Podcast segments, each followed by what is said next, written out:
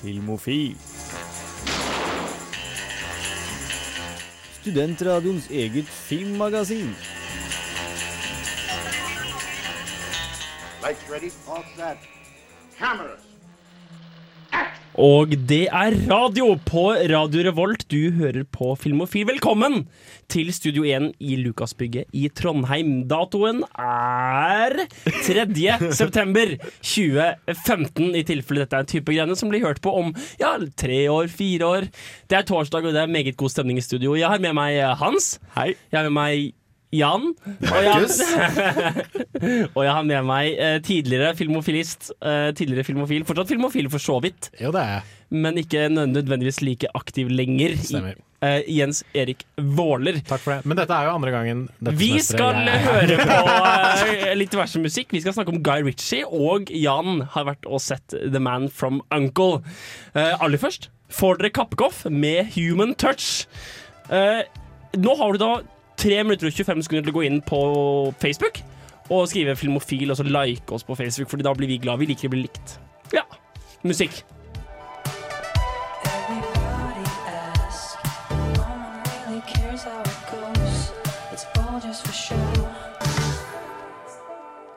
Velkommen tilbake. Vi har antageligvis sett litt ting siden sist, ettersom en ja, frekvent titting på film og TV er typisk hvorfor vi har endt opp i dette studio og snakker om film her på Filmofil. Har noen eh, gjort eller sett eller hørt noe siden sist? Jeg har ganske passende til filmen jeg skal anmelde senere, Oi, oi. Sett, en, eh, sett starten av en spionserie. Ja, The Americans. Americans. Ja, stemmer! Den har vi til og med hatt som ukas serie for en stund siden. En veldig bra jeg serie med hun derre Felicity. Nei. Jo. Jo, jo. Jo. Ja, hun, ja. Hun med, hun med det høye livet på buksene Ja. i hele serien. Ja. Men eh, det er en kul serie. Det er eh, Det er, eh, hva skal jeg si, litt mer sånn Litt mer lavmælt. selv om jeg syns de kanskje trykker, prøver å trykke litt for mye action inn i filmen. Mye av den indre spenningen kommer jo fra at sånn OK, hvem vet at vi vet, og hva vet de andre? Og så plutselig har vi nabo rett over gata, som vi har så snakket om før. Så jeg syns det er en serie jeg tror jeg kommer til å se mer på. Og den er det som også er morsomt, er jo at det er jo en spionfilm, det også. Men i motsetning TV-serie, i hvert ja, fall. spion-TV-serie. Men i motsetning til The Man from Uncle så er det en, en helt annen stemning. Samme sjanger, men fullstendig annerledes. Sånn i farger, i filmspråk, i rett og slett hvordan det føles å se på den. Og The Americans er en TV-serie som ikke har så veldig mye sånn veldig tydelige verktøy. Man ser ikke veldig tydelig hvordan de har prøvd å gjøre det spennende, eller hvordan de har prøvd å gjøre det bra. Men den er laget på en veldig god måte, og skuespillerne passer veldig godt, så man blir liksom sugd inn i TV-serien. Og det er liksom i slutten av andre episode eller sånt nå, så er en eller annen FBI-dude og undersøker inni garasjen. Og sitter der litt sånn, med sånn, med sånn pusten i brystet.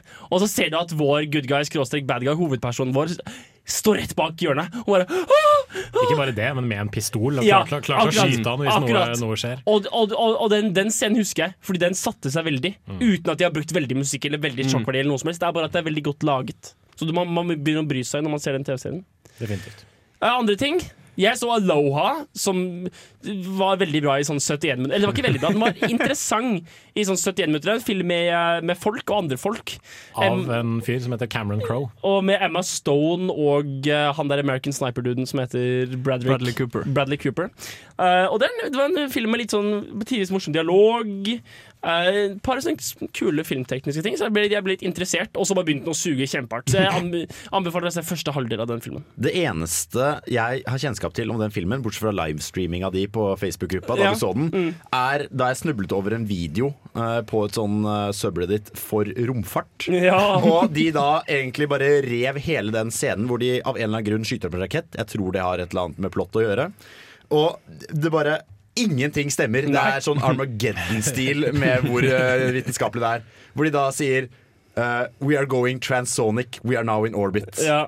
Og for de av oss som ikke vet hva det betyr, så kan det være stole på at det er teit. Teit nok til at, eh, til at jeg måtte liksom stoppe og tenke å nei, ok, greit. greit nå, ok, ok. Jeg har også sett Pitch Perfect 2. Ja! Som, var eh, den var um, Hvordan er den sammenlignet med Den var Pitch Perfect bra igjen? på samme måte som altså, Den var bra på det eneren gjorde bra, som ikke var plott. Altså, Den var god på dia dia dialogene, den var god på å utnytte de spesielle karakterene, den var god på å gjøre det energisk. Eh, og den var god på en måte å holde det veldig gående. Det er ingen low points i filmen, oppfatter jeg. Men altså, plottet er ikke interessant. Nei, det er det er ikke spennende, det er ikke gøy, men det, er, det funker. Det er òg Elizabeth Banks sin regidebut. Det oppdaget jeg først etterpå! At det Å, er ikke meg Elisabeth Banks som har regissert filmen. Mm. Og det, det da, hvis jeg hadde visst det på forhånd, så hadde jeg vært mer positiv til opplevelsen. Og for de som sitter der hjemme og ikke vet hvem Elizabeth Banks er, eller hva hun har gjort før Det er hun dama som spiller hun ekstremt sminkede i uh, um, ikke, Hunger det, Games? ikke The Human, Human Error, men uh, Hunger Games. Hunger, Hunger Games stemmer. Ja. Og hun spiller, uh, hun spiller ene kommentatoren i Pitch Perfect. Hun spiller Miri i Zack and Miri Make a Porno. Det gjør hun. Hun spiller i uh, Scrubs. Dr. Kim Briggs, hvis jeg ikke husker helt feil. Oi, Det oi, oi. tror jeg er riktig. Deep fucking cut. Mm, who's got two thumbs and noses trivia? This guy. Uh, har du sett noe gøy siden sist, Jeg har sett en del gøye ting. Um, jeg har sett litt Guy Ritchie-filmer, siden det er det vi skal snakke om. Ja, passende! uh, jeg så Rock'n'Roller, den har jeg ikke sett før. Den har jeg sett før. Jeg så den igjen i går. Kjempegøy. Mm. Uh, og så så jeg de to Sherlock Holmes-filmene han lagde. De, Ja. de hadde jeg sett før, da. Ja. Men uh, jeg så de på nytt, og de var fortsatt veldig gøye. Har de holdt seg? Jeg syns det. Ja, vi, vi, vi får ta komme tilbake til det. Jens? Hei. Uh, jeg har sett ferdig det som er å se av Gravity Falls når de nye episodene Ja, skal komme stemmer. snart. Jeg har sett mer Rick and Morty, fordi Rick and Morty er kjempegøy. Sesong to? Sesong to. Den serien syns jeg bare blir bedre og bedre. De siste episodene har vært knall, knallbra. Um, jeg har blitt introdusert for det merksnodige, vidunderlige konseptet kalt RuPaul's Drag Race. Har ikke det vært det noen år nå? Jo, det har vart en stund, men Hva eh, er det for noe? det er rett og slett hvis du tar for deg Det er rett og slett at det er rett og slett America's Next Top Model for drag queens. Oh, ja, kult. Med litt sånn mer sånn parodiske elementer da, på, på sånne reality-shows hvor de skal liksom velge ut en, en siste vinner. og alt mulig sånne ting. Så det handler om Det er rett og slett da menn som skal konkurrere om å være den beste dragartisten. Og så får de da masse sånne, sånne utfordringer og oppgaver de skal løse eh, i selvfølgelig drag-personer. Hans. Men hvordan Altså, hvordan på en måte Fordi dette høres ut som en ting som fort kan bli veldig sånn Ha-ha! Disse Ja. mennene det, kan- det kan fort bli litt sånn transfobisk. Det, Eh, det, ja, altså det, er, det er litt sånn noen ganger, men du blir også litt sånn kjent med disse gutta. Da, fordi de snakker jo om liksom, bakgrunnen sine, hvor de kommer fra, hvordan familien deres eh, aksepterer, eventuelt ikke aksepterer det at, de, eh, det at de er homofile, hvis de er homofile, det at de er tra eh, transvestitter, det at de liker eh, å gjøre det de gjør, og liksom drive performance og sånne ting. Og så er de skikkelig, skikkelig bitchy mot hverandre. selvfølgelig. De er, selvfølgelig. det er liksom Se for deg liksom typiske liksom reality-stjernekvinner, hvor, liksom, hvor liksom kattete de er, og liksom klørne er ute hele tiden. Så bare skrur du det opp til 11, så har du de gutta her. Det er helt utrolig hvor fæle de kan være mot hverandre noen ganger. Vi skal ta og høre Short Skirt før vi eh, som vanlig overlater nyhetene til eh, vår korrespondent Hans Ystadnes, vår senior nyhetskorrespondent. ja. Dere får Short Skirt med Hugs and Kisses.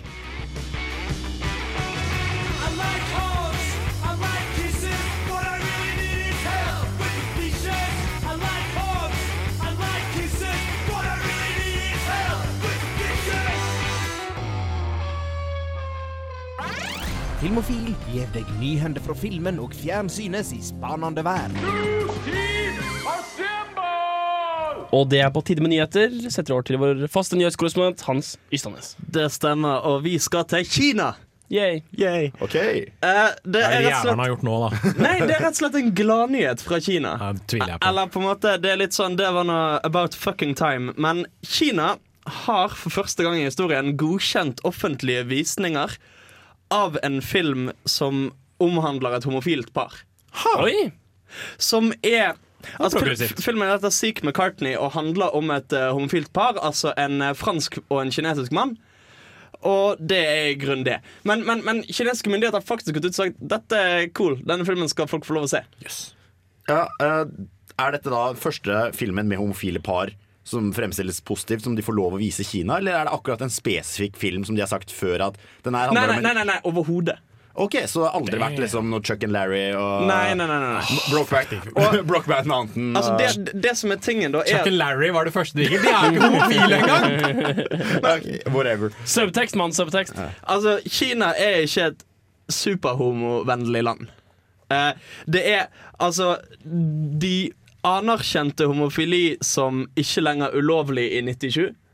Og i 2001 var det ikke lenger klassifisert som en sykdom, men det er fortsatt sånn at det er veldig feil å være homo i Kina, sånn de offentlig ser det. Altså I skolebøker så blir det omtalt som et problem.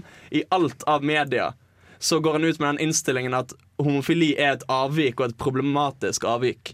Så dette er på en måte Altså skulle jeg si Som sagt, det er jo, det er jo faen meg på tide. Men, men, men det er på en måte et tegn på at hei, kanskje de på en måte finner, finner seg i hvordan verden har beveget seg. Da er det bare et spørsmål om tid før vi får tørk inntatt tårer. Og Frida får en ny grunn til å ta det opp som et tema. Hun er dessverre ikke her i dag fordi hun er i Spania med, med folk hun tydeligvis Ja, liker, liker bedre. enda tristere hvis det var typ kinesiske risbønder som var fattige og hadde slitt det i livet i tillegg. Og hadde aids. Og hadde aids. Kjøre sånn lokal sånn bro Brokeback Ricefields-type cover. Jeg tror Frida hadde blitt ødelagt. Mm, vi skal gå fra en veldig, veldig positiv nyhet til en ikke fullt så positiv en. Uh, Wes Craven er død. Ja. Nei. Jo. Så jo. kjipt. Han døde av, eh, hvis jeg ikke tar helt feil, så var det noe hjernekreftgreier som han har slitt med en eh, liten stund, som eh, gjorde at han da til slutt tok kvelden i en alder av Skal vi se, nå må jeg bare gjøre Mange litt kjapp hoderegning. Enn så lenge 76. 76, takk. Det er han som har laget da Scream og Nightmare on Elm Street. Og han, er liksom, han har definert en sjanger, da. Litt i hvert fall. Stemmer ikke det? Han var jo, ja, på sett og vis, og både to ganger også, for så vidt. Først da med 'Nightmare on Elm Street', og liksom den første horrorbølgen. Og så på nytt igjen da med 90-tallets horrorbølge, som var litt mer sånn eh, Litt mer eh, sjangerbevisst. Ja, ja, for det er jo interessant hvordan han på en måte har den første som er så uironisk i sin tilnærming til det. Uh, Ja. Som bare er bein på sånn uh, slasher-horror. Mm. Og så til Scream, som er nesten kvalmende selvbevisst eh, til tider. Som er veldig sånn Hå-hå, dette hadde vært teit hvis det skjedde i en eh, skrekkfilm, men det er greit fordi at vi gjør det med et glimt i øyet. Ja. Mm, at han har på en måte tatt begge de vinklingene på det. Men han har jo vært en uh, Ifølge Nå, nå har jeg jo lest litt sånne eh, Nå husker jeg ikke hva det heter på engelsk. Sånne obituaries heter det på, på engelsk, men jeg husker ikke hva det heter på norsk. Nekrologer. Takk. eh, om West Wes Craven, og der står det jo eh, veldig ofte det at han var liksom fascinert av det mørke og litt syke, litt rare, fordi han, eh, han var eh, Han ble rett og slett eh, oppfostret av en alenemor som var veldig, veldig opptatt av at eh, Craven skulle eh, synde så lite som overhodet mulig. Hun var veldig religiøs og veldig liksom, hard på akkurat det, så da endte selvfølgelig endte han opp med å lage skrekkfilmer som handler om eh, drap og mord og uh, alt mulig annet faenskap. Hvilken West Craven-film skal man se hvis man ikke har sett noen av dem? Nightmare on Elm Street? Uh, jeg ville si den første Nightmare on Elm Street-filmen. Den siste Nightmare on Elm Street-filmen, altså West Cravens New Nightmare. Eh, Scream, selvfølgelig. Den første Scream-filmen. Det er vel kanskje de som er uh, verdt å se. Jo, uh, Last House on the Left vet jeg også er uh, en stor fanfavoritt. Ja. Og Det, var, det er omtrent den første. ja, første skrekkfilmen han gjorde. Ja. Fun fact om West Wes Craven. Han fikk sin start i filmbransjen innenfor pornografien. Ja, Slik som så mange andre. ja Sasha Gray, for eksempel, som senere fikk en stjernerolle i Entourage. Sylvester en Stallone. annen film eh, Virkelig? Ja, ja. ja. ja. Italian Stallion. Ja. Er det derfor han kalles for Italian Stallion? Ja. Så det var bare fordi han liksom var en ita. Italian Stallion. Nei, nei. Det, det er en faktisk film. Yes. Vi skal ta og høre på Sex Switch med hele Lyos. Det var Jeg vet ikke hvilket språk det er på. Det høres men gresk ut. Veldig gresk. Hele Lyos. Ok.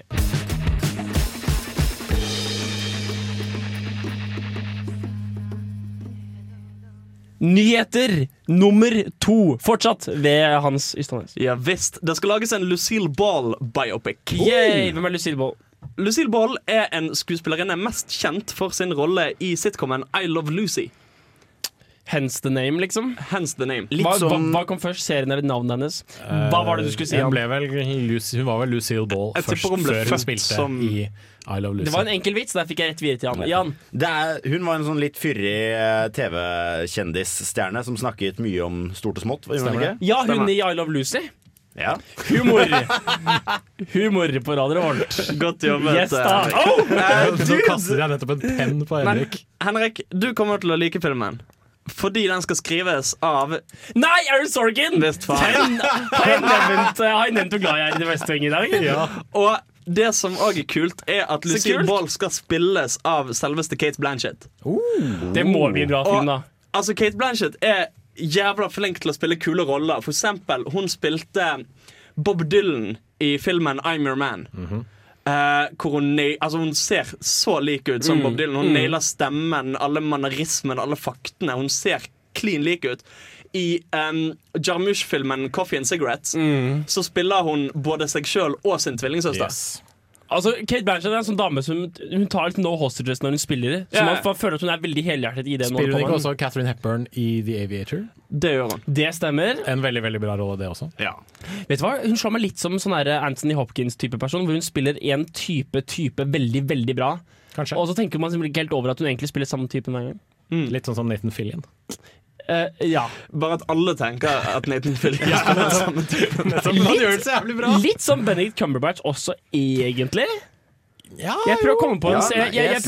et sted hvor han ikke er sånn. Uh, Da anbefaler jeg filmen eh, Four Lions, uh, hvor han plutselig dukker opp på slutten av filmen som politimann med stort rødt skjegg. Det er sant. Det, det er sant. Det, han er jo der.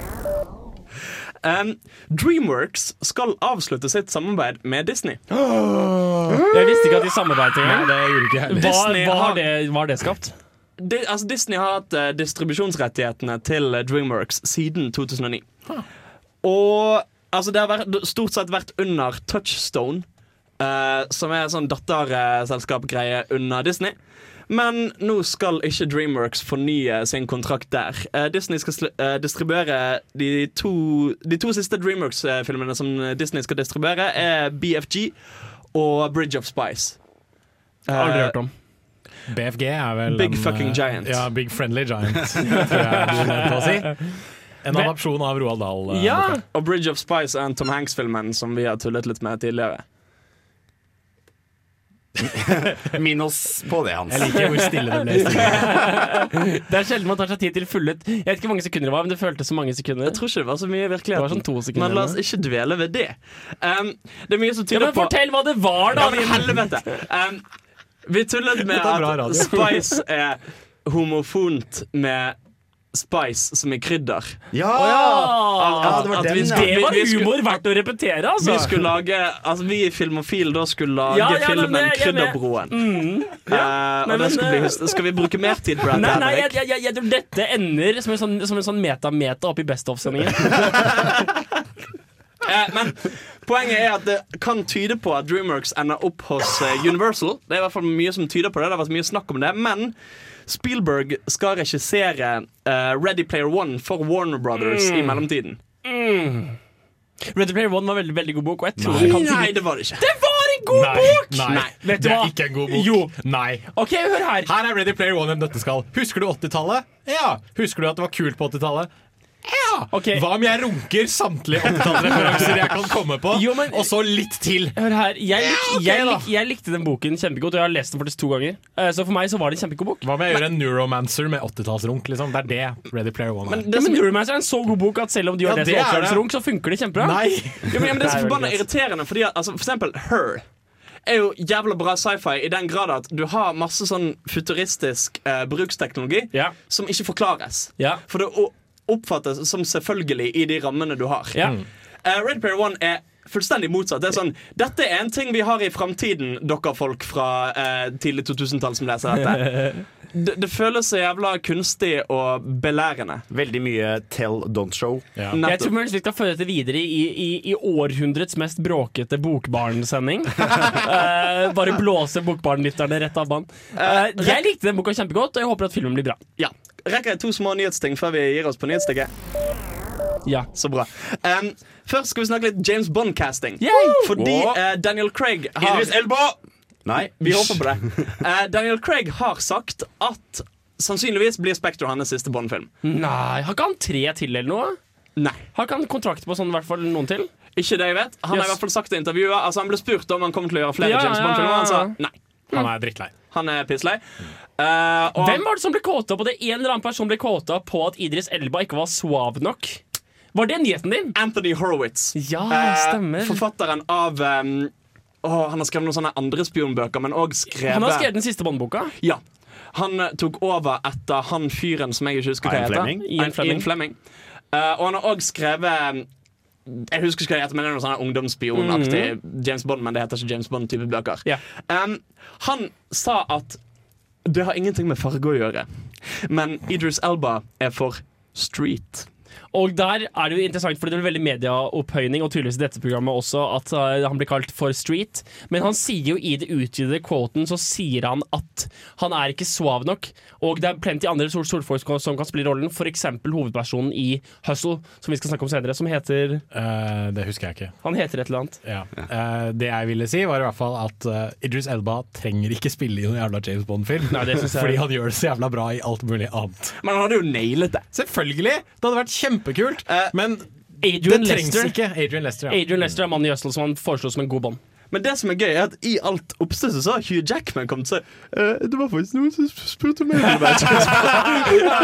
En dude bak i salen som bare um, uh. det som faktisk er tilfellet, da, var at det var snakk rundt om muligens har han som James Bond før Daniel Craig ble kastet eh, til Casino Royale.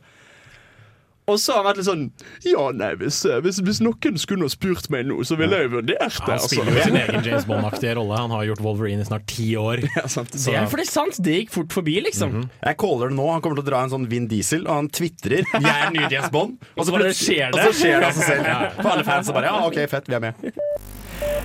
En siste mikronotis før vi går til musikk. Ja, dette var kjempekort. Hæ? Dette var kjempekort. Hysj.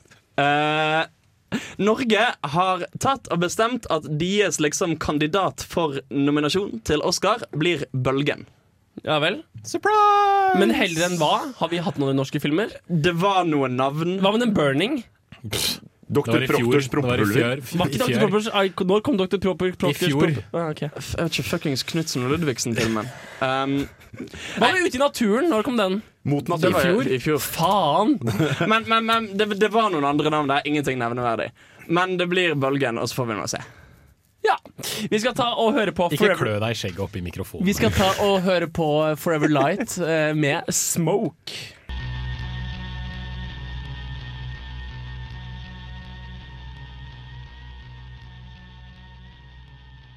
Skal vi Ja, Jeg tror det. radio.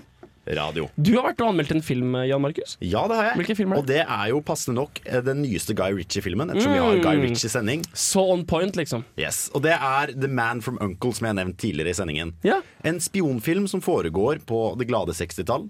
Litt rundt omkring i verden. Stort sett eh, et eh, Hva skal jeg si? Et Europa under jernteppet. Og det er en film som jeg, jeg koste meg veldig med, men jeg trengte Jeg bestemte meg egentlig ikke før i går kveld om jeg likte den eller ikke. Om du faktisk likte den, liksom. Ja, for det, det har vært mye, mye sånn Jeg har gått og tenkt på det her. Var den bra? Var den ikke bra? Men til slutt så har jeg vel kommet frem til at Vet du hva, ja, ja jeg likte den. Den, den funker. Den funker. Skal vi høre på anmeldelsen? Gjør det. You told me this was going to be a simple extraction. It should have been. I didn't ask you to light up half of East Berlin. They were waiting for me. And I'm feeling good. Hva får du om du blander sammen Mad Men, James Bond og et knippe skuespillere som kunne vært på forsiden av luksusmotemagasiner?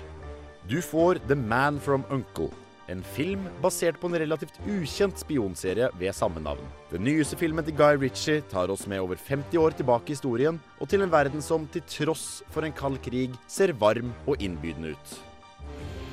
So sorry to keep you waiting. You don't look like you slept much last night, Mr. Devaney. Funny you should say that, Madame Bajiguera. I don't think this scotch is helping either. I The Man from Uncle følger vi tre hovedpersoner. Det russiske råskinnet Ilya, den amerikanske kvinnebedåreren Solo og den fyrige og nesten uvirkelig pene bilmekanikeren Gabby. Tre mennesker tvunget motvillig sammen av omstendighetene for å bevare maktbalansen i verden når den er på sitt aller mest sårbare. Selvfølgelig blir det friksjon, kjekling og misforståelser, og vi som publikummere får være vitne til komedien det resulterer i. You can't put a Paco Rabanne belt on a Batuu. She's not going to wear a Batuu. What's wrong with a Batuu? Nothing. If you're fat. Det største salgsargumentet for filmen må være den stilistiske filmingen og fengslende uttrykksmåten. I flere scener fokuserer kameraet på ansiktet til en av hovedpersonene, mens actionet skjer et eller annet sted ut av fokus. Andre ganger vises flere vinkler og hendelser samtidig, og vi blir matet med fart og spenning i destillert format. Kombiner dette med den visuelt pene og fargerike fremstillingen av stedene og epoken vi befinner oss i, og du får en film som gir deg lyst til å se flere scener på nytt, uten at det nødvendigvis er plottets skyld. I'll let you tag along, but it's in and out, no mess, and we both forget about in the morning. For er det én ting filmen kan kritiseres for, må det være at plottet aldri fengsler på samme nivå som måten den uttrykker seg på. Det er kult å se Solo snakke med innestemme om statshemmeligheter og drap på en måte man knapt har sett siden James Bond sluttet å gå med hatt. Men man trenger egentlig ikke følge nøye med på hva han sier. Filmen holder hånden din godt gjennom hele løpet, og hopper til og med noen ganger tilbake i tid for å forklare deg hva som egentlig skjedde da alle tvistene og vendingene hendte samtidig. Her hadde det vært bedre om vi heller som seere kunne oppdaget dette selv andre gang vi så filmen, fremfor å bli matet med teskje. America teaming up with Russia. That doesn't sound very friendly. The Man from Uncle legger til slutt opp med å bli en filmserie med et ukjent antall oppfølgere. Den er et frisk pust på noen måter, spesielt da uttrykksmessig, og at den fungerer som en motpendel til de mer realistiske og dystre spionfilmene det har blitt så mange av etter millenniumsskiftet. Om de klarer å gjøre manuskriptet like spennende og stilistisk som resten av filmen, tror jeg vi vil få en oppfølger som klarer å overgå forgjengeren. Allikevel er dette en film jeg ville gått og sett på kino, og gjerne da med noen som liker filmspråk. Så kan man diskutere den over, ja, eksempel en martini etterpå. Shaken, not stirred. Oh, and you have a new code name. Code name? Uncle.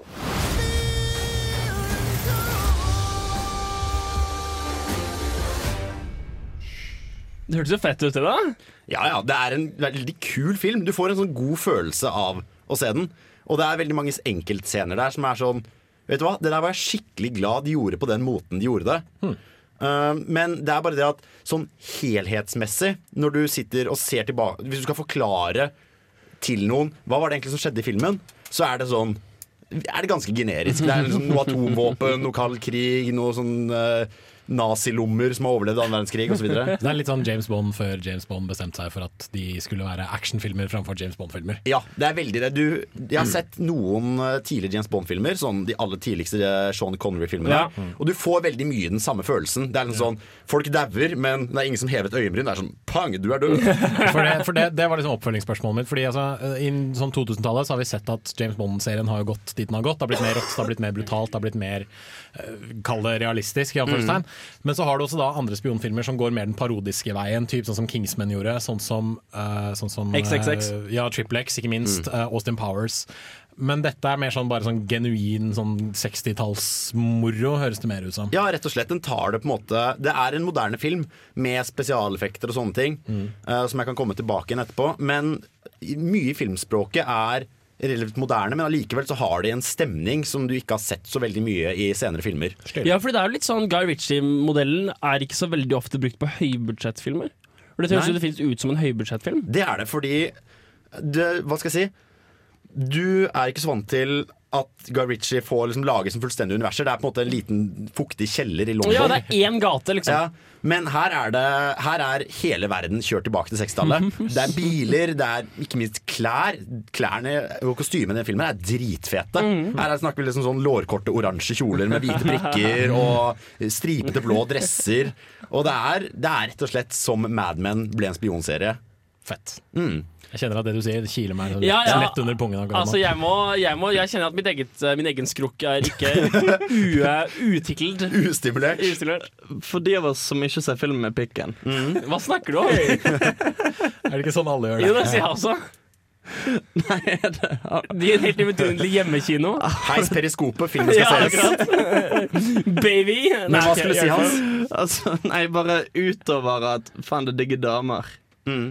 Nei, det er det er ikke så mye fokus på det heller. Liksom. Det er litt mindre objektifisering av kvinner enn det er i tidlig James Bond. Fordi hun Gabby, for eksempel, som er ekstremt pen, har allikevel litt tæl og er en spiller eh, på, på det som skjer her. Det er interessant at du skulle si er en spiller, for det oppfatter jeg er en, en av de virkelige Vi skal følge tilbake til det, men en av de virkelige Guy Ritchie-tropene, eller en av de virkelige Guy Ritchie-greiene, er at han har et setpiece med spillere. Han, har, han, han presenterer deg masse forskjellige storylines, og det er spillere. Folk prøver å one-uppe hverandre. Jo, jo, men- Ligge et steg ja, foran. Og så er det liksom veldig tydelig at Ok, nå gjør dette denne denne, og nå gjør dette dette samtidig som disse her, og denne spilleren gjør dette. Mm. Og det er i mye større grad enn andre filmer, og det er noe det som gjør hans sjanger så kul. Spørsmålet er om det kan oversettes til sånn storbudsjettfilm og internasjonal film, hvor du ikke lenger har den automatiske sjarmen av småbudsjett lokalfilmer, liksom. Mm. Du nevnte spesialeffektene i stad. Ja, uh, bra du nevner det. Fordi det som er veldig kult med denne filmen, men som allikevel skyter seg selv litt i foten på, er at de praktiske effektene er dritfete. De ser ordentlig fete ut, og det er liksom folk som kjører på båter og detter ut i vannet, og du ser at dette her skjedde faktisk. Dette filma de. Problemet er da at når de går over til CGI på f.eks. biljakter og sånne ting, så ser du det så utrolig mye bedre.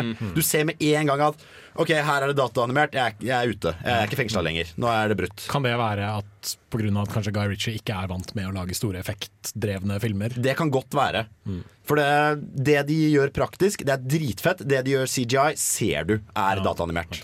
Det kan jo være at han der, eh, altså det, det som overrasket meg veldig, var at han Ilya, altså han Army Hammer, han har ingen tvilling. Nei, han har Eh, ikke det. Fordi The Social Network spiller jo han The Winklevoss Twins. Ja. Jeg trodde oppriktig talt at han hadde en tvilling. Det, det, det var det skuffer meg Eller ikke skuffer, det overrasker meg skikkelig at alt det var CGI. Hvor Hvorfor, hvorfor bra er ikke det? da? Det er veldig imponerende.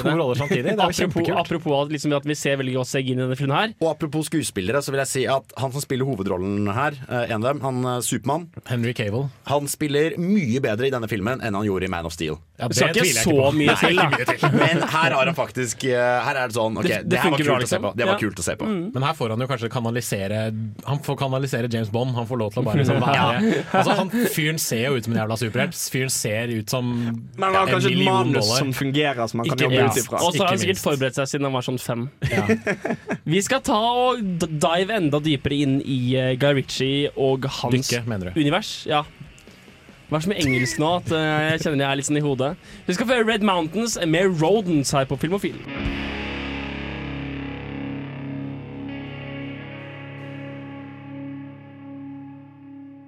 Hi there, this is Sal Lizard from Starfleet, the International Star Trek Fan Association, and encouraging you to listen to Filmophile.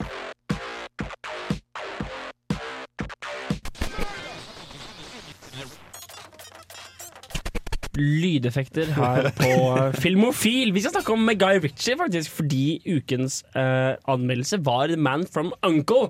Ukens hjemlekse var uh, Rock'n'rolla. Og derfor kommer vi til å snakke om det om, om bitte litt. Men aller først, la oss komme inn, godt inn, balls deep om du vil, i, eh, i Guy Ritchie. Det måtte skje. Uh, det måtte skje. Uh, hashtag må man, så må man. Uh, hva er det med Guy Ritchie? Hvorfor snakker vi om, om han? Hva er greia? Hva er greia? Hans? Jan? Vi kan jo begynne, begynne på begynnelsen. Med de eh, to relativt like, egentlig, filmene 'Lockstock 'Lock, Stock and Two Smoking Barrels' og 'Snatch'. Med like, mener du identiske? Så godt som. Ja, de er jo strengt tatt det. Ja. Men uh, begge filmene er jo verdt å se. Jeg har vel kanskje sett Nei, vet du hva, jeg har ikke noen spesifikk rekkefølge jeg vil anbefale dem heller. Men det er to Du kan se filmer som er kronologisk. Du ser Lock, Ja. Stock først. Lock, Stock eh, and Two Smoking Barrels først, og deretter Snatch. Ja. Og det er jo to filmer som foregår Det er basically mafiafilmer, lite grann. Mm. Men det handler mye mer uh, om sånn småkriminelle folk som har skjeve tenner og bor i en fuckings Ja, altså, det, campingvogn. er, det er engelsk gangsterfilm, er det Ja. der. Uh, og det er jo altså, Han har jo en del veldig sånne trademarks, han, uh, han Guy Ritchie. Det er Filmene begynner gjerne med en voiceover. En sånn skikkelig kul engelsk kis som har en voiceover. ikke sant? Og så har du vel ofte masse forskjellige separate karakterer, sånn som vi snakket om Players, som har separate storylines.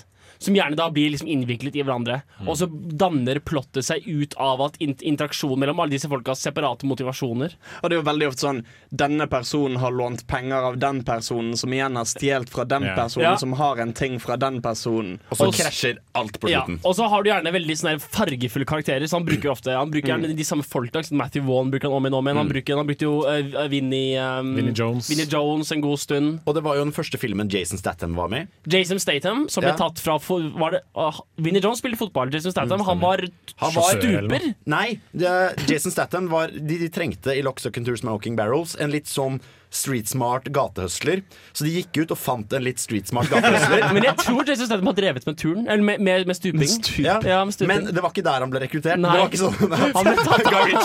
Sånn, vi, trenger, vi trenger en sånn Vi trenger noen som ser ut så som en er du, og så hører er du Ja. Han! Ja. Han! Han!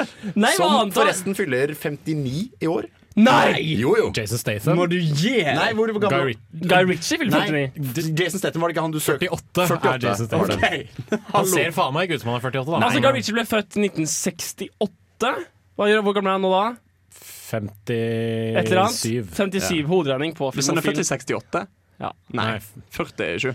Oh, fuck me. Noe sånt. Hoderegning på film... Står det ikke på Wikipedia hvor gammel han er? Jo da, jeg bare gadd ikke å Men vi fant jo ut av det nå.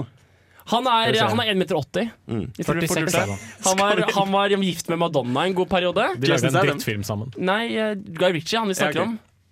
Jo, og så har han gjerne i sine filmer så har han jo um, Han har jo gjerne ofte karakterer som blir helt gale. Han har gjerne karakterer som er udødelige. ikke sant? Han har I Rock'n'Rolla som vi så, så var det de der folka fra Tsjetsjenia. Ja. Ikke sant? I, eh, i sine i, sin, I Blade var det han eh, i, i, Boris the Blade. Boris the Blade fra Snatch. Og Dredger, Sherlock Holmes, den gigantiske duden de møter på skipsrederiet. Så han har en sånn greie med at eh, ja, heltene våre blir liksom konfrontert med sånne utrolige karakterer. Og så er det dritgøy da å se noen bare faktisk få grisehjuling, og så bare riste litt på den, Og så det sånn, kommer de tilbake og bare får en Blir påkjørt av fuckings buss Ja, og det er greia, fordi Guy Ritchie bruker veldig ofte humor i dine voldelige scener. Ja. Og det, og det er jo noe som altså fordi Du tok jo litt sammenligningen med mafiafilm. Men den har jo den vesentlige forskjellen at Altså mafiafilmer blir ofte litt sånn kjipe. Det er alltid litt sånn Alle har bare sånn grådige egne ambisjoner og er jævlige mot hverandre. Og sånn mens alle har litt sånn sjarm og glimt i øyet i Guy Ritchie sine ja. filmer. Altså selv, selv skurkene, selv de som gjør kjipe, jævlige ting, gjør det med litt sånn sjarm og quirks og særegne måter som på en måte gir dem så mye personlighet. Jeg tror litt av det kommer av at han kan, han kan fremstille skurkene som like inkompetente som heltene. Det ser du veldig typ, altså Du ser jo tegn på det i Snatch, for eksempel, der en av skurkene er en amerikaner som later, later som han er jøde, Fordi da kan han bedre passe inn i liksom jøde-gangster-miljøet, men han er egentlig ikke jødisk selv. Uh, og eh, du har jo også i, eh, i Snatch en av heltene går rundt med en pistol hele tiden og blir mobba av uh, Jason Statham til karakter og spør hele tiden ja, 'protection from what? The Germans'.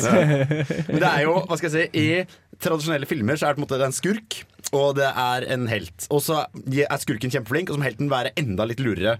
I Guy Ritchie-filmer så er det bare om å være minst dum. Ja. Vi skal, vi skal ta og høre Small Black med No One Wants It To Happen To You.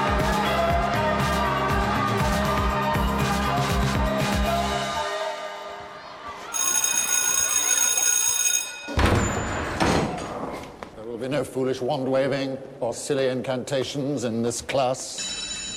No, okay, that's it for the day then. Today we have a similar debate over this. Anyone know what this is, class? Anyone? Anyone? Anyone seen this before? Ukens hjemmelekse. Ja, fordi ukens hjemmelekse var 2008-filmen Rock'n'Rolla med eh, Gerard Butler, Tom Wilkinson, Idris Elba, Tom Hardy. Ikke minst. Det var en kul film, altså. Så den i går igjen etter å ha sett den første gang den kom ut. Uh, den er vel ikke like bra for min del. Den er ikke på topp fire-fem for min del. Nei, Det si. det er, det er ikke den beste Guy Ritchie-filmen. Men det er, veldig, det er en veldig tydelig Guy Ritchie-film. Det er en veldig tydelig mm. Guy Ritchie-film, og den er verdt å se. Absolutt. Ja, det, det vil jeg si. Og der er det jo også klassiske sånne Guy Ritchie-elementer med eh, britiske gangstere. Mye sånn folk som er litt på bånn i hierarkiet i samfunnet, og som eh, har rota seg opp i ting. Slik de karakterene i filmene hans har en tendens til å gjøre. Og det er alltid litt Jeg, jeg tror rock'n'roll er det beste eksempelet på There's always a bigger fish. Fordi jeg oppfatter at, at det er en greie hos Guy Ritchie. Det er alltid noen som er litt større, alltid noen som er litt sterkere, alltid noen som er litt strammere. Og det er, det er litt du ser det i Lockstock også, hvor først blir det stjålet fra dem, så blir det stjålet fra dem, og så blir det stjålet fra dem. Og så når de kommer liksom ut av huset med liksom, Å, alle pengene, alle våpnene, alt vi har, alt, så kommer noen og stjeler fra dem igjen. Og det er litt sånn There's, there's always a bigger fish, og det, ser de, det syns jeg rock'n'roll er et veldig, veldig godt eksempel på. Han har jo en del sånn pow... Han har en del sånne, sånne maktomvendinger i løpet av hele filmen. Ja. Hvor typ sånn, du trodde at det var sånn forholdet var, og så Mm. plutselig snus det. Og i rock'n'roll så fungerer jo det som uh, spenningsmomentet. Mm. Hvordan kommer dette til å gå? Og hvem er det vi liker? Hvem er det vi, hvem er det vi heier på? Jeg for eksempel heier på tsje- tsje- tsjetsjenerne hele tida. Men uh, for de av oss som ikke har sett denne filmen før, typ eh, meg, uh, hva handler dette om? Anyone? Altså, det handler om en sånn uh, boligmagnat-gangstertype som Cornero. Han skal kjøpe en bygning for noen folk. Ok. Og så sier han 'fuck dere'. Jeg kjøper den for meg sjøl, for jeg har bestukket en fyr til å ikke gi dere tillatelsene. Mhm. Så tar han bygningen, og så må de betale tilbake penger til han som de lånte fra. Det er umulig å forklare Det- det- plottet. det er For det første, du vet ikke hvor du skal begynne. Og så, jo, jo, men dette skal jeg fortelle. Dette skal jeg fortelle. Så for å betale tilbake penger, så må de stjele penger. Disse to Ja. unge Eh, folka som egentlig skulle kjøpe huset, som ble frarøvet. frarøvet. For samtidig så er det en rik russer som skal det går ikke an å høre det her. Som skal kjøpe et hus. Og han skal da overføre penger til han er skurken. Som han gjør via en dame som er venn med disse folkene som ble rundpult til å begynne med. Så for å betale tilbake stjeler de pengene russeren skulle betale. Og så er det da et subplot som handler om vennskapet mellom Jard Butler og Tom Hardy, som er disse, disse gutta. Okay. One, Two og, og, og uh, Mumbles og Handsome Bob. Og før vi fortsetter å prate om filmen, så kan vi kjøre et lite klipp som jeg har funnet, hvor folk snakker da om Handsome Bob, og Gerard Butler lurer på om han kanskje har en mistanke om Handsome Bob. Mumbles, there's something about Bob that I don't think you know. What's that then? That he's a puff. How the fuck did you know that? Come on, everyone knows he's a flamer. You're the only one that doesn't know. He likes the boys. It's sausage and beans all day long, mate.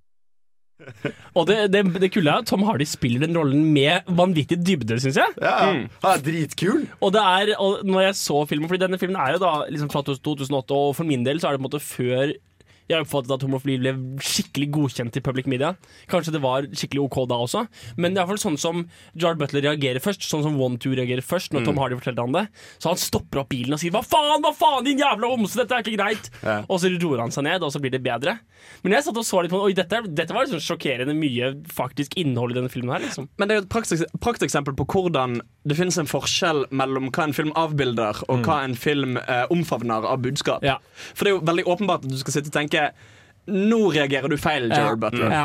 Eh, nå er du en drittsekk. Og så Idris Elba sin rolle som, som, som, som speil i den filmen. Mm. Det fungerer helt fantastisk. I i den scenen du, du spilte nå, Jan. Men uh, hvordan er Gerald Butler i denne filmen? For jeg har opplevd at han egentlig ikke er en spesielt god skuespiller. I, Han eh, har ingen dybde, så vidt jeg Nei, men han spiller jo sånn her kjekkas. Uh, Som han alltid gjør. Ja, Ja, ja. ja. Nei, det er faktisk Han har vel den minst interessante rollen i filmen. Han spiller typisk hovedperson. Ja, det, Men det funker Men faktisk det fint. fordi- funker jo supert. En annen grunn til at det funker supert, er fordi da fungerer han fint som vår representant Straight i filmen. Mm. Jo, men også som vår representant. Fordi alle de andre har mye mer dybde og er folk og gjør ting, mens, mens Gerard Butler prøver liksom å gjøre det riktig hele veien. Han prøver å pule dama, han prøver å liksom få disse penga. Altså han er liksom vår representant i den hele greia. Mm. Så det funker fint at han ikke har noe dybde i, i, i, i sitt skuespill. Eh, altså Det er jo litt malapropos til dette, men det jeg syns er interessant med måten nettopp um, Guy Ritchie klarer å bruke kjipe ting som vold og homofobi og på en måte gjøre at du, du får en god følelse av det, og det blir bra og aldri kjipt og trist. Og hvordan det er en vanskelig ting å få til, fordi um, det var en film som kom vel for en to-tre år siden med han der James McAvoy, som var veldig Guy Ritchie-aktig. Um, ja. Ja. Trans? Nei, Ja, han heter ikke det. Han spiller en uh, drugged up uh, fra rockestjerne. Politimann. Ja, den, den så ikke jeg. Var den bra? Nei! Quick Det- det- Robin to Google. Men, men po- poenget, poenget er at det finnes en film som er veldig Guy Ritchie-aktig. Filth? Filth er det selvfølgelig jeg mener. 2013. Um, og den har veldig Guy Ritchie-aktig uttrykk. Det er litt det samme. Mange karakterer, folk med kallenavn. Veldig hurtig klipping mellom scener, voiceovers, fjerde veggbrytning, alt det der. Men all volden og alle de kjipe liksom, kriminelle tingene som gjør, Jeg bare ubehagelig å se på. De er bare kjipe. De er bare Mm. kjipe. Og hele avslutter med Altså, det er en drittfilm, så jeg bryr meg ikke med spoileren. Eh, det avsluttes med at Hei, hei! Han var litt sånn skrullete og gal, men det er greit, for det viste seg at han var trans. Så selvfølgelig var han skrullet og gal. Det er liksom det som er litt sånn slutten av filmen. That's the message, children! Og, og da burde du sett med sånn Hæ, var dette bare sånn hatefullt budskap? Men det er jo interessant. Det er, det er interessant hvordan du kan følge den Hold kjeft. Jeg, jeg kommer seriøst komme bort og, og jeg kommer til å slå i hodet ditt i hjel med, en- med en bildør. Okay? Men poenget er at han har forsøkt å bruke veldig mange av de samme virkemidlene og teknikkene til Guy Ritchie. Men ender opp med en ikke. helt annet uh, utgangspunkt. Det er veldig interessant, uh, Hans. På den tonen skal vi ta høre Low med Lies.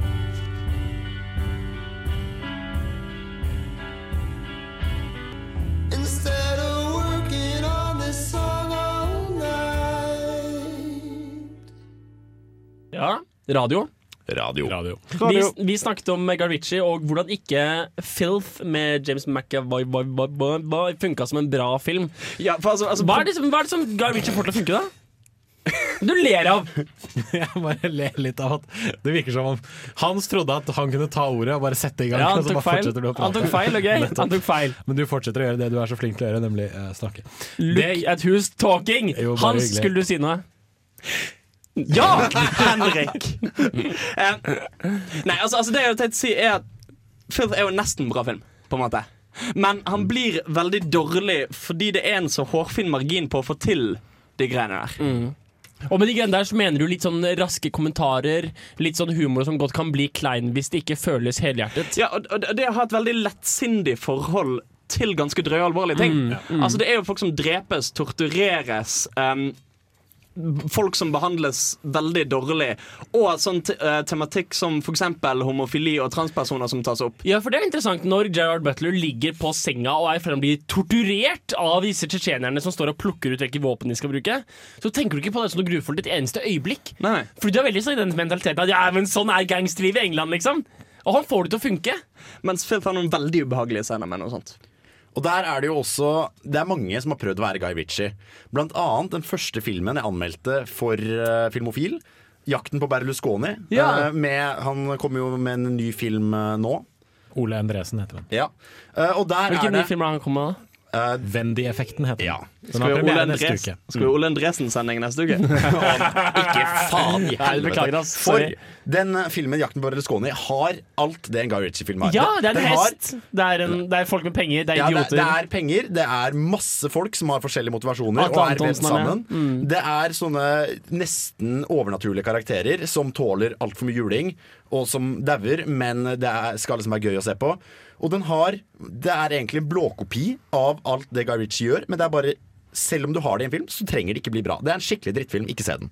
Jeg tror mye av det også kommer av at dette med liksom, det å ha mange forskjellige plott, det å ha mange forskjellige rollefigurer, det å ha mange forskjellige rollefigurer som hele tiden jobber mot hverandre og over hverandre og oppå hverandre og under hverandre og alt mulig sånne ting, det kan hvis du er en dårlig regissør, så kan du veldig fort Mm. skape en film som bare er forvirrende Ja. for de aller fleste. Mm. Og eh, vi hørte jo i stad, da Hans prøvde å oppsummere rock'n'rolla, at Det er ikke lett, liksom. å oppsummere disse filmene er ikke enkelt. Men når du sitter og ser det, Mm. så sitter du til å begynne med og er litt forvirra, men etter hvert så bare merker du at ok, her faller brikkene veldig sånn dan, dan, dan, på plass etter hvert. da. Og det gjør han jo med en, med en film på han. Ja, han fortellerstemme i filmen. Han Nettopp. bruker, sånn der, han bruker, sånn som Jan fortalte, høyhastighetseffekter på actionscener. ikke sant? Mm. Definitivt. Han bruker fet musikk. Du blir trukket veldig inn. Mm. Og det er veldig fargefullt og veldig helhjertet. Det er lett å huske plottet. Og jeg, jeg ser for meg det at en mye min, altså en dårligere enn mindre regissør ville ha mista kontroll over alle disse Ja, elementene veldig fort. Da. Men det er det at han klarer å holde den kontrollen, holde det stramt, holde det eh, bundet sammen da, på det viset som han får til. Ja, for Du nevner det med saktefilm. Han har en sånn saktefilmscene Mm. i alle filmene sine. Mm. Han har I Lock, Stocken, uh, Two Smoking Barrels er det den hvor de løper ned en trapp. Ja, mens filmet, sånn, filmet med et sånn skikkelig billig uh, saktefilmkamera. så alt går litt hakkete og er kjempemørkt. Eh, og også i Snatch, hvor de har, masse saktefilm. Og Sherlock Holmes, ikke minst. Den dritkule scenen hvor alt sprenger Ja. nede på havna. Og det spilles sånn fele i bakgrunnen sitt. Den Og så er, utnytter han eh, også veldig bra til den, den veldig sånn eh, fortellerriktige greia med Sherlock Holmes og hans liksom, eh, måte å analysere øyeblikket på. Da funker Mm. det kjempebra. Den boksescenen i Sherlock Holmes, den eneren, helt fantastisk. ikke sant? Hvor du da liksom klarer å ta supermennesket Sherlock Holmes og sakke ned tiden, sånn at vi klarer å henge med på hans tankegang. Og det er noe Gavici gjør veldig bra, at i tillegg til å klare å å få oss til å henge med på mange forskjellige historier, så klarer han også veldig godt å sette oss inn i mentaliteten til skuespilleren, eller beklager, til, eh, til spilleren. Eh, for eksempel i rock'n'roll, hvor Jard Butler løper langs dette, dette togsporet.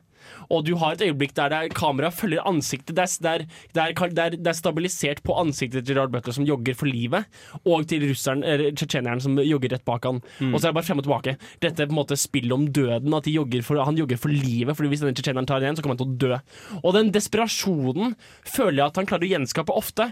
Du har, du har når, eh, når, eh, når han Sherlock mister fatningen i den boksescenen, så ser du hvordan ok, nå skal jeg bare fuckings banke han opp. Og det er mange sånne scener i disse Snatch-filmene hvor du oppdager at Hvor du får veldig innblikk i deres desperasjon, eller i deres på en måte I deres øyeblikk. Og det, det føles òg som en slags vennligsinnet forklaring. Altså litt sånn, Nå tar jeg ned tempoet for å lede dere litt gjennom dette, uten Mm. at det blir sånn spoonfeeding. Mm. Altså, Ja, det blir, altså det blir ikke sånn for eksempel siste scene i Interstellar, når du har den jævla roboten som forklarer alt sammen for deg. Eh, det, det, det føles ikke det føles ikke som han snakker ned til deg når han senker tempoet for å la deg henge med. Vi skal ta og gå til eh, filmlåt, men først skal dere få eh, 'Sleeper Hold' av uh, Sant Seneca. Saint Seneca. Ja.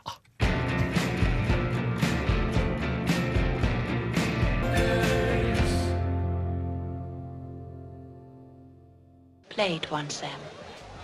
Det er jo alltid å ha musikk når den er påtent. Helst noe indisk eller pakistansk. Ukas filmlåt. Hva er ukens filmlåt, Jan? Ukas filmlåt er 'Fucking In The Bushes' med Oasis. Og hvorfor det? Fordi i filmen Snatch, når eh, Brad Pitt skal bokse, så kjører de opp den låta her, som er veldig britisk, veldig litt sånn røff. Litt sånn skitten småkriminell.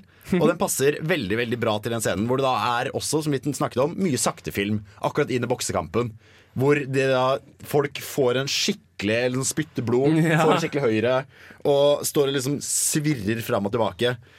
Uh, Det morsomme også med den scenen der, er jo, eller den filmen, er jo at Brad Pitt, som spiller han der uh, ekstremt morsomske morsom, Sigøyneren. eh, sigøyneren, irske sigøyneren, han hadde egentlig ikke lyst til å spille en bokser, oh, ja. fordi den forrige filmen hans var Fight Club.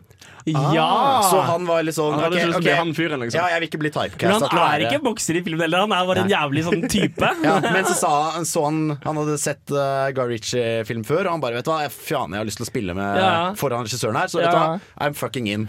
Og jeg tenker at det, det, det fete med, med uh, Snatch og Brad Pitt spesifikt, er at det er så utrolig stereotypt, den greia der. og Det er så utrolig sånn det kunne, det kunne så fort blitt teit, men de får det til å funke selv bra. Fordi Mm. Brad, Brad Pitt blir bedt om å gjøre akkurat det han kan best. Han kan spille en litt sånn weird, men jævlig kul type, Ja, ja, ja. liksom. Som sitter her i sin pels og like dags. Hva? Like dags? Hva? Dags! Hva faen er det du snakker om? Og, hvordan de, de, hvordan, og de får den dynamikken med de sigøynerne og, og Jason Statham til å funke utrolig bra. Og mens han blir liksom bare Mens han blir på en måte jaktet ned av hundene, Mm. så har du en slow motion-scene av en hare som blir jaktet ned av hunder. Mm. Og det var sånn, herregud, det- du kunne ikke gjort du, du hadde ikke sluppet unna med det der med hvilken som helst annen regissør. Og men han får det til å funke. Før vi går til låt, så vil jeg også bare si at uh, litt av grunnen til at Guy Ritchie had, lagde denne karakteren, er fordi i den forrige filmen hans, 'Lock, Stock and Two Smoking Barrels', så klagde mange på at Vet du hva, jeg skjønner ikke den britiske dialekta. Så Guy, Guy Ritchie sier da Vet du hva, fuck dere med begge langefingrene. Her får dere en, en fyr som ingen skjønner. We work for one year for you pigs. And you want to break our walls down and you want to destroy it? Well, you go to hell. Yes, indeed. I love them. Fun, nice, life, youth, beautiful. I'm all for it. Og det var da en Guy Ritchie-låt, uh, her spilt av Oasis, uh, 'Fucking In The Bushes'. Det var litt av de som lagde låten også, men det høres ut som en Guy Ritchie-låt. Det er bråkete, det skjer masse ting, folk løper frem og tilbake, folk blir skadet, men det er liksom ikke farlig, for det er morsomt. Altså Det er jo mer Guy Ritchie-låt enn Wonderwall, som de òg har skrevet. Og, Det vil jeg påstå. så hva er greia med Guy Ritchie? Hvorfor får han det til å funke? Hva er det som er humoren i det? Altså, det er bra dialog. Han, og så portretterer han Han har veldig interessante karakterer. Han har karakterer som er de er ikke bare menneskelige, de er enda mer ubrukelige enn de som sitter og ser på.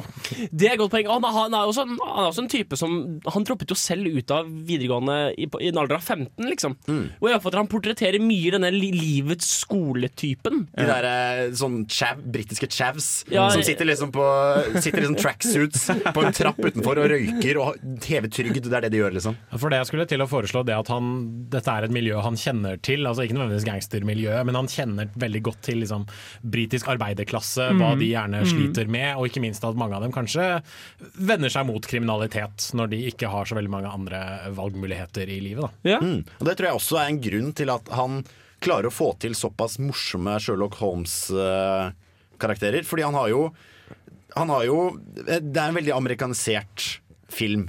Vil jeg si. Men allikevel så har du på en måte de der folk som går rundt og prater med skitt i ansiktet og cockney-aksent, uh, og er bare ekstremt britiske. Det er interessant hvordan han eh, Han bruker jo Archie i uh, rock'n'rolla som bad guyen i um, Sherlock Holmes eneren, og han duden heter um, Strong. Hva, hva, hva, ja, hva, heter Archie i John, eh, John Strong. Heter han det? Strong. Mark Strong. Mark Strong er det. Og han er jo brukt flere ganger av uh, og det funker bare så bra. Han er bare en så utrolig fet type, liksom. Det slappet fra rock'n'rolla Ja. er liksom det jeg husker best fra hele filmen når jeg skulle se, jeg skulle se den igjen. Det var altså søkte på YouTube søkte jeg på rock'n'rolla movieclip, og det første som kommer opp, er rock'n'rolla slap scene. Ja, ja, det stemmer det. Han spiller eh, lord Blackwood i, uh, i Sherlock Holmes. Mm. Så det er jo interessant hvordan denne på en måte veldig lokale, veldig stereotypiske greia med liksom kombinasjon av fet dialog, kule karakterer sånn, det, så, det, det går an å gjøre det så stort, da. Med både Sherlock Holmes-filmen og The Man from Uncle, og det får det til å funke, liksom. Ja, for det er også for å ta det tilbake, litt tilbake i sendingen. The Man from Uncle er en hva skal jeg si, Du ser at det er en Guy Ritchie-film i måten det er klippet på. At det er litt sånn det skjer mye på en gang. Og du skjønner at det er Guy Ritchie som har laget filmen, men allikevel så er det et veldig langt sjumilssteg vekk fra den eh, litt sånn skitne arbeiderklassebriten til liksom folk som går og er pene i tøyet selv etter at de har vært i slåsskamp. Og drikker whisky og røyker ufiltrerte sigaretter innendørs. Men jeg syns det er utrolig kult det at han ikke lar seg binde av en litt sånn nisje som han på en måte altså, Han har lar seg ikke binde av det han nødvendigvis har blitt kjent ja. for. da Ja. Uh, liksom, Det at han etter hvert da lager to Sherlock Holmes-filmer, det at han nå har laget en 60-tallets spionfilm, det at han eh, nå jobber med en, uh, en eh, kong Arthur-film. Faktisk. Med Idris Elba som Merlin og Charlie Hunnam fra, fra Pacific Rim og Sons of Anarchy som, eh, som kong Arthur. Det er Så et par gøy. andre gode skuespillere der også, som jeg ikke husker sånn i farten. Wow. Men eh, jeg syns det er litt stilig at han må etter hvert bare tenker OK, jeg har gjort dette her. Dette har jeg på en måte bevist at jeg klarer. Nå vil jeg prøve andre liksom, sjanger, Yeah. andre sjanger Da. Du ser litt av det du ser at han liksom hopper litt over i det i Sherlock Holmes, men han tar liksom det fulle steget ut, ser jeg for meg da i, i The Man from Uncle, og ikke minst da i denne eh, kong Arthur-filmen han jobber med nå. Det er jo dritkult. Er det noen filmer man burde se hvis man liker Guy Ritchie? For meg for eksempel, så er det da produseren av Snatch og Lockstock, eh, som også har laget Kickass-filmene og liksom eh, litt diverse sånne ting. Han har laget en film som heter Layer Cake, eh, som jeg var overbevist om måtte være en Guy Ritchie-film, men det er det ikke. Det er riktignok produseren derfor Guy, Ritchie-filmene. Layer Cake er en film med Craig eh, Hva heter han Daniel igjen? Craig. Daniel Craig.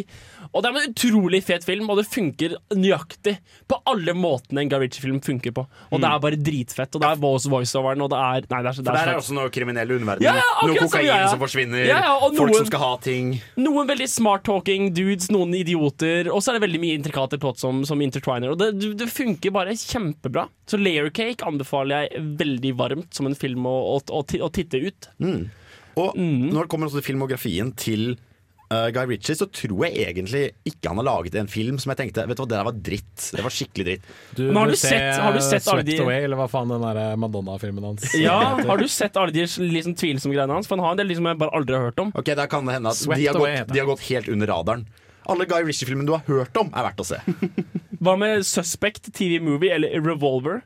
Jeg lurer på om jeg har sett Revolver. Jeg begynte å se Revolver på Netflix. Jeg tror ikke jeg så den ferdig. Den er skrevet av Luke Besson med Jason Statham. Og det er Aurel Liotta. Den må jo være kul, da. fenget meg ikke. ass. Nei, jeg tror også jeg ble litt skuffet i forhold til hvor bra den burde vært. Hm. Vi skal ta og komme oss videre til ukas TV-serie, fordi det er ikke en Guy Ritchie-TV-serie. Men den er veldig liksom veldig, I hans ånd. Det er hans ånd. Ja, så. Vi skal ta først høre Faye Wildehagen med 'Fire On The Mountain'.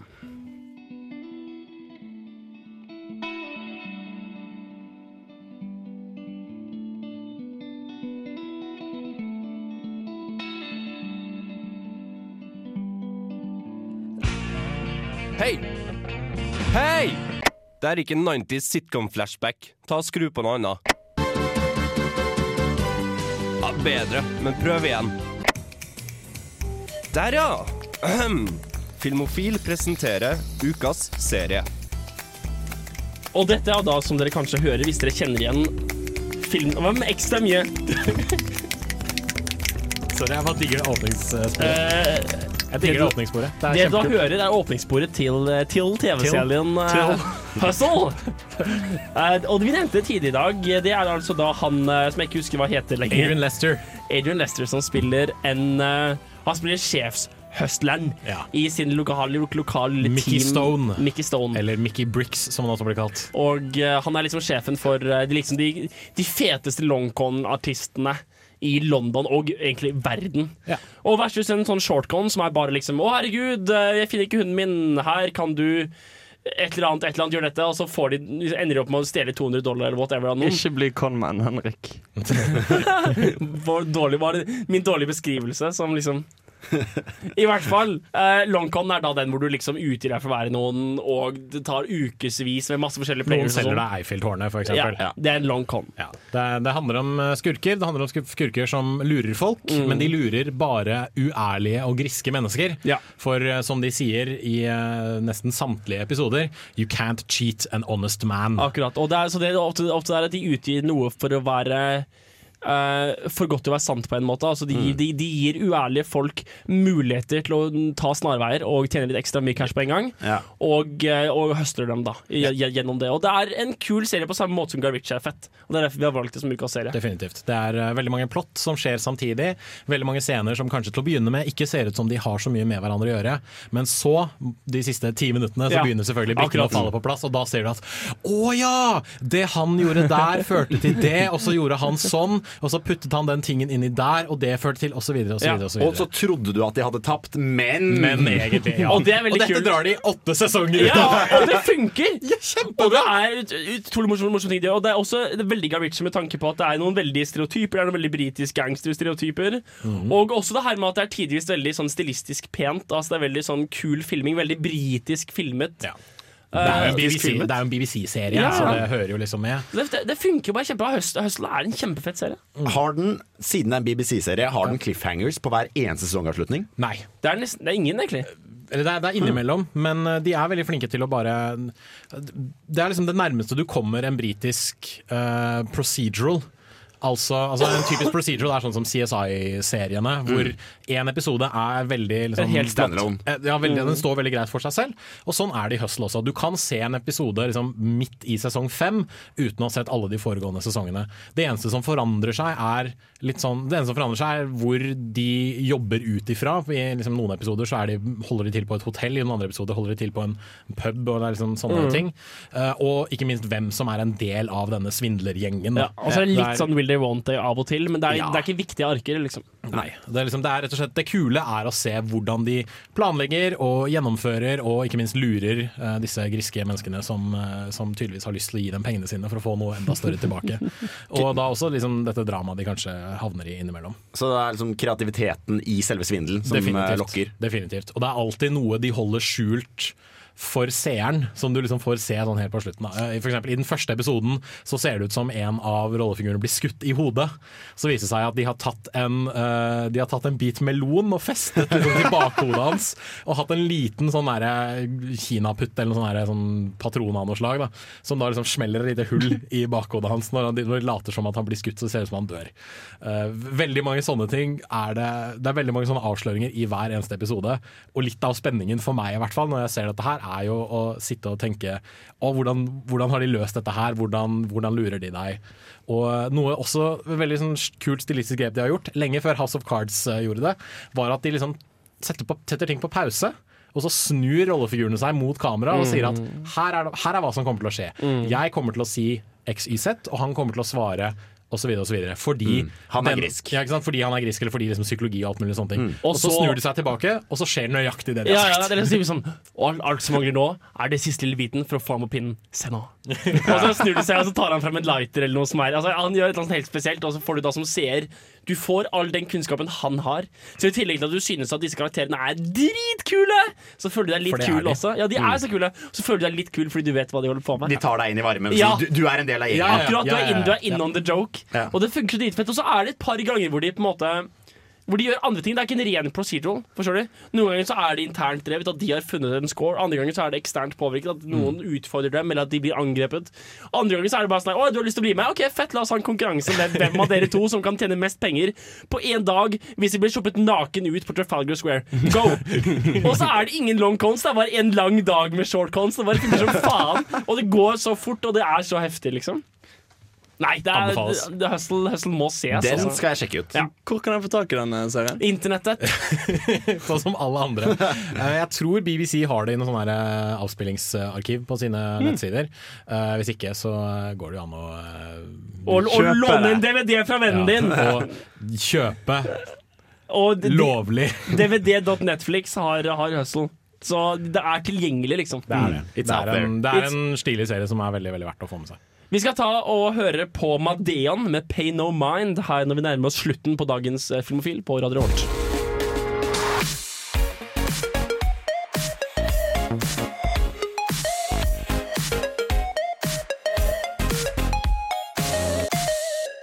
Her i Filmofil på Radio Revolt så tar vi det på lufta.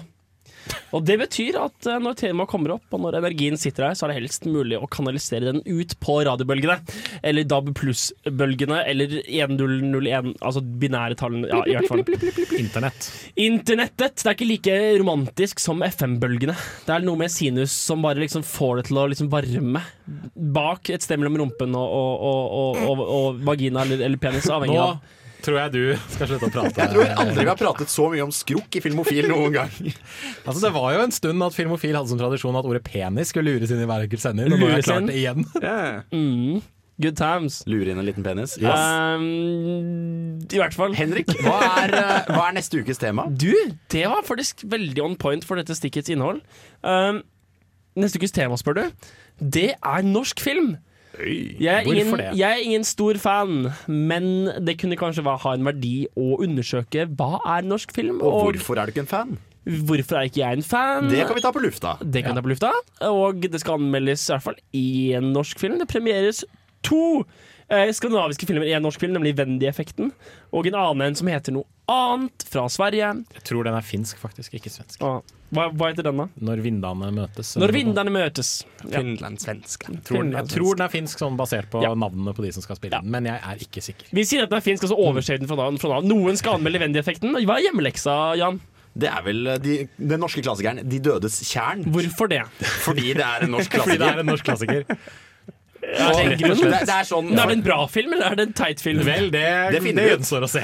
Gud. Det er sånn foreldrene mine nevner av og til når vi prater om norsk film. Har du sett De dødes kjern? Nei, jeg har ikke sett De dødes kjern. Men Du må se De dødes kjern. Og nå skal jeg få finne ut hvorfor. Jeg vet, eh, nå kan det hende at jeg bare snakker fullstendig ut av ræva mi, og jeg ikke har noe grunnlag for å si dette her.